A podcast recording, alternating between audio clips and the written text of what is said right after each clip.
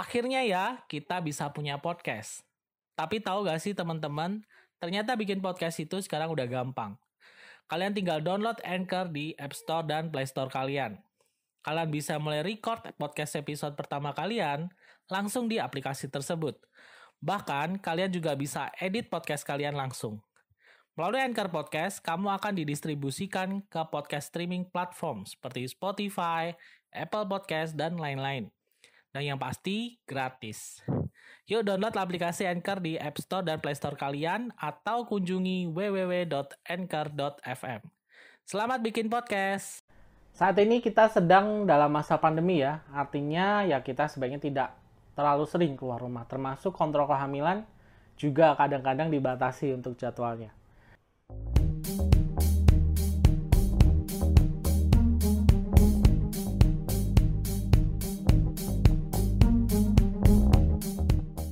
Halo semuanya, salam sejahtera ya. Kembali lagi ditanyakan dokter. Semoga teman-teman semuanya dalam kondisi sehat ya untuk saat ini. Lagi pandemi, semoga ya tetap betahlah di rumah. Jangan ke mana-mana kalau nggak perlu, oke? Ya, kita bahas dulu tentang gerakan janin. Sebenarnya bayi itu sudah mulai bergerak tuh usia 2 bulan. 7 minggu sampai 8 minggu sebenarnya sudah dia udah bisa bergerak. Cuman karena dia ukurannya masih kecil, seukuran bakso, ibu belum bisa merasakan rahim juga masih kecil.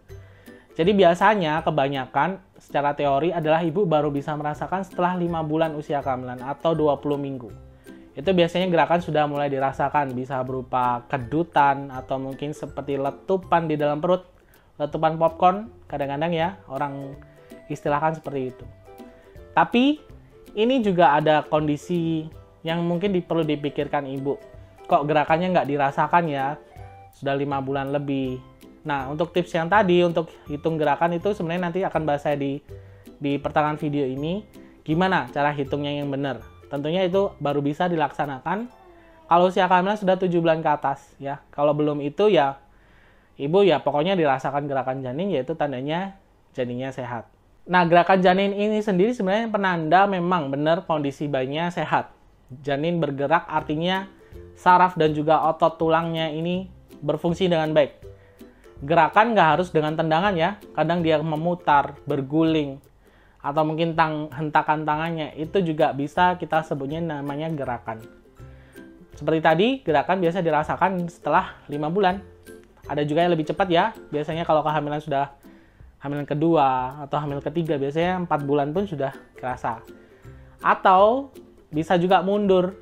Misalnya hamil pertama, ibu masih belum terlalu peka, baru pengalaman kadang-kadang masih belum merasakan apakah itu gerakan atau enggak. Akhirnya ya baru bisa dirasakan setelah misalnya 6 bulan.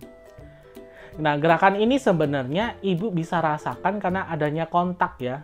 Kontak dengan dinding rahimnya ibu. Jadi ini kan perut nih. Kemudian ini ada rahim. Ada bayi di dalam. Kalau dia dorong si rahim ini membentur ke dinding rahim kemudian kontak dengan perut, ibu akan merasakan gerakannya ini. Cuman ada beberapa kondisi umum normal yang kita bisa bilang itu normal. Kenapa gerakannya kok nggak belum kerasa? Sudah lima bulan, enam bulan belum kerasa. Yang pertama adalah posisi dari ari-arinya, ya. Kalau mungkin ibu pernah istilah posisi ari-ari, dengar-dengar nih, posisi ari-ari anterior, ya. Anterior artinya di depan ya. Jadi kalau rahim itu kan ada di bagian belakang, ada depan ya. Nah, kalau misalnya di uh, anterior itu di depan, dia nempelnya ari-arinya di depan. Normalnya ari-ari nempel ya bisa di depan, di atas, atau di belakang. ya Di belakang bagian rahim. Kalau dia di depan, gerakan bayi agak sedikit teredam. Ini yang biasa dialami oleh ibu-ibu yang nggak begitu merasakan. Mungkin aja ari-arinya letaknya di depan. ya. Jadi benturan kontak langsung ke bayi dengan rahimnya ini teredam oleh adanya ari-ari. Ya ini nggak ada masalah. Cuman biasanya usia 6 bulan ke atas atau bahkan 7 bulan baru ibu bisa merasakan gerakannya. Dan itu pun biasanya gerakannya nggak begitu jelas kerasa. Kondisi normal kedua adalah bayinya lagi tidur ya. Ya normalnya seperti kita juga bayi ada jam tidurnya. Cuman siklus tidur bayi ini nggak lama. Paling dia 30 menit sekali, 20 menit sekali atau ya maksimal satu jam sekali lah dia tidur dan terbangun. Makanya kita bisa bilang kalau misalnya nih kok pas dia kok nggak gerak ini mungkin aja dia tidur ya. Atau sebaliknya bayinya aktif ibunya yang tidur jadinya kan nggak kerasa. Tentunya ini juga bisa mempengaruhi gerakan bayi itu tadi. Tapi umumnya ya kalau bayi paling kalau kita hitung ya sekitar 2 jam itu bisa gerakan 6 sampai 10 kali sebenarnya itu merupakan hitungannya normal. Atau gampangnya setiap 10 menit sekali lah. Paling rasa minimal satu kali. Itu kalau pas dia lagi terjaga. Kalau lagi tidur mungkin akan bisa lebih jarang juga. Hal normal juga adalah ibu yang komposisi lemaknya ya. Atau mungkin agak gemuk lah kita bilang. Lebih banyak lemaknya. Jadi uh, gerakan itu tidak begitu ibu bisa rasakan karena terendam oleh adanya lapisan lemak yang terutama di daerah perut itu juga bisa dialami sehingga ya nggak begitu kerasa gerakannya Kondisi yang lainnya adalah posisi bayinya, ya. Posisi yang gimana nih maksudnya? Jadi posisi bayi itu kan bisa ya terserah dia sih sebenarnya karena dia bisa bergerak. Normalnya ya sebelum 7 bulan tuh kepalanya masih di atas. Tapi ada beberapa posisi misalkan punggungnya ini menghadap di bagian ini rahim ya, rahim bagian depan ini bagian punggung ibu. Nah, punggungnya bayi itu di sini dia jadi nendangnya di bagian belakang. Ya, kebayang ya mungkin ya. Sehingga ya ibu nggak begitu bisa merasakan karena ibu lebih sensitif kalau dia gerakannya mengenai di bagian rahim bagian depan. Ya ini bisa aja terjadi dan ya bayi bisa muter aja sih sebenarnya nggak ada masalah. Cuman ya itu salah satu pertimbangan kenapa gerakan juga belum bisa dirasakan. Nah terkait topik kita hari ini tentang hitung-hitungan nih. Tadi saya sempat singgung bahwa kita bisa hitung si gerakan bayi ini sebagai penanda kalau janinnya lagi sehat. Tapi saat usia kalian sudah 7 bulan ke atas ya. Kenapa? Karena pada saat ini ya gerakan sudah sudah jelas dirasakan bayinya sudah cukup besar, sudah satu kilo lebih lah kira-kira. Itu biasanya ibu sudah bisa lumayan rasakan. Sehingga bisa dihitung dan lebih akurat. Kadang-kadang ibu kan agak salah persepsi dengan gerakan usus ya. Mungkin ibu agak kemung, ususnya agak bergerak itu dikira gerakan bayi. Itu juga bisa sering terjadi di trimester-trimester awal. Nah, Pertanyaannya, kalau gerakannya nih, saya sudah hamil 7 bulan atau 8 bulan gerakannya kok berkurang nih dok? Ada beberapa sebab yang harus dipertimbangkan. Selain yang tadi normal itu tadi ya, ada beberapa hal sebab yang harus ibu pertimbangkan. Akhirnya ya, kita bisa punya podcast. Tapi tahu gak sih teman-teman, ternyata bikin podcast itu sekarang udah gampang. Kalian tinggal download Anchor di App Store dan Play Store kalian. Kalian bisa mulai record podcast episode pertama kalian, langsung di aplikasi tersebut. Bahkan, kalian juga bisa edit podcast kalian langsung.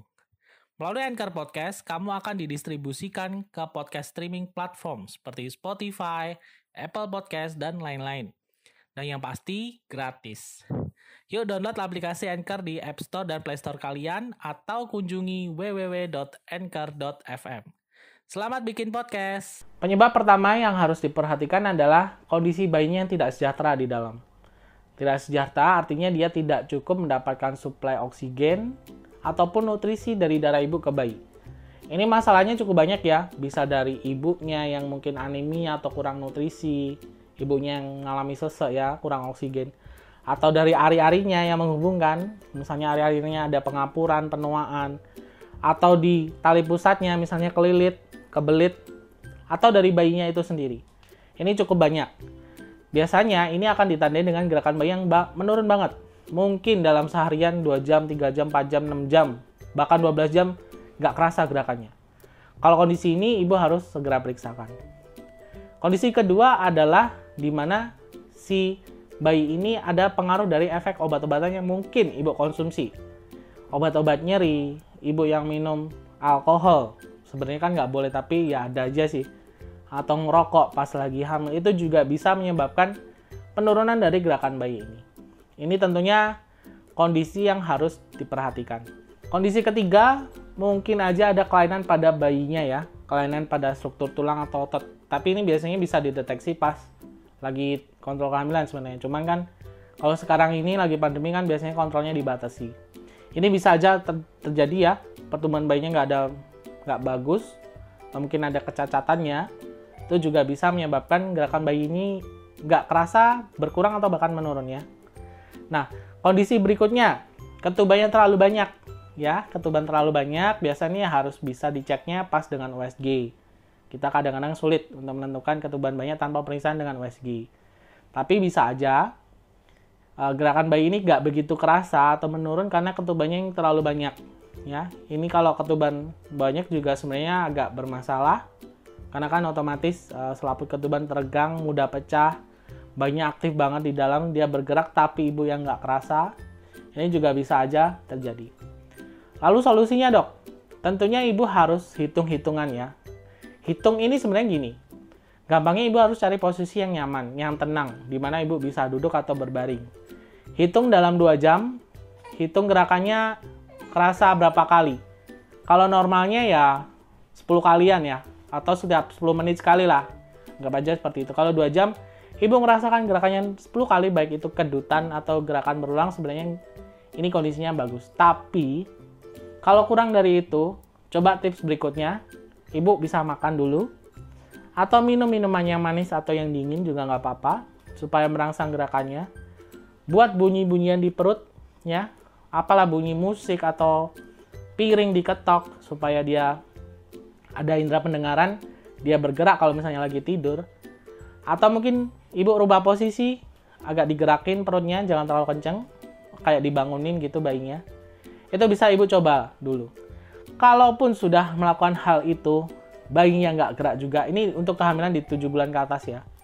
Bayinya nggak gerak juga, sebaiknya ibu harus periksakan. Meskipun lagi pandemi, kondisi itu perempuan bisa bilang tanda tanda-tanda ada masalah, ibu harus periksa. Nggak apa-apa, lagi pandemi, tetap periksa aja. Karena kita nggak mau ada apa-apa dengan si bayinya dan juga ibunya. Gitu ya, jadi memang ada kondisi normal, ada yang nggak normal, gimana cara hitungnya, dan Tipsnya gimana? Tentunya ini membantu ya supaya membantu ibu-ibu yang lagi jarang-jarang kontrol karena memang dibatasi supaya bisa tahu lah setidaknya screening kondisi bayinya gimana. Semoga bermanfaat. Sampai ketemu lagi.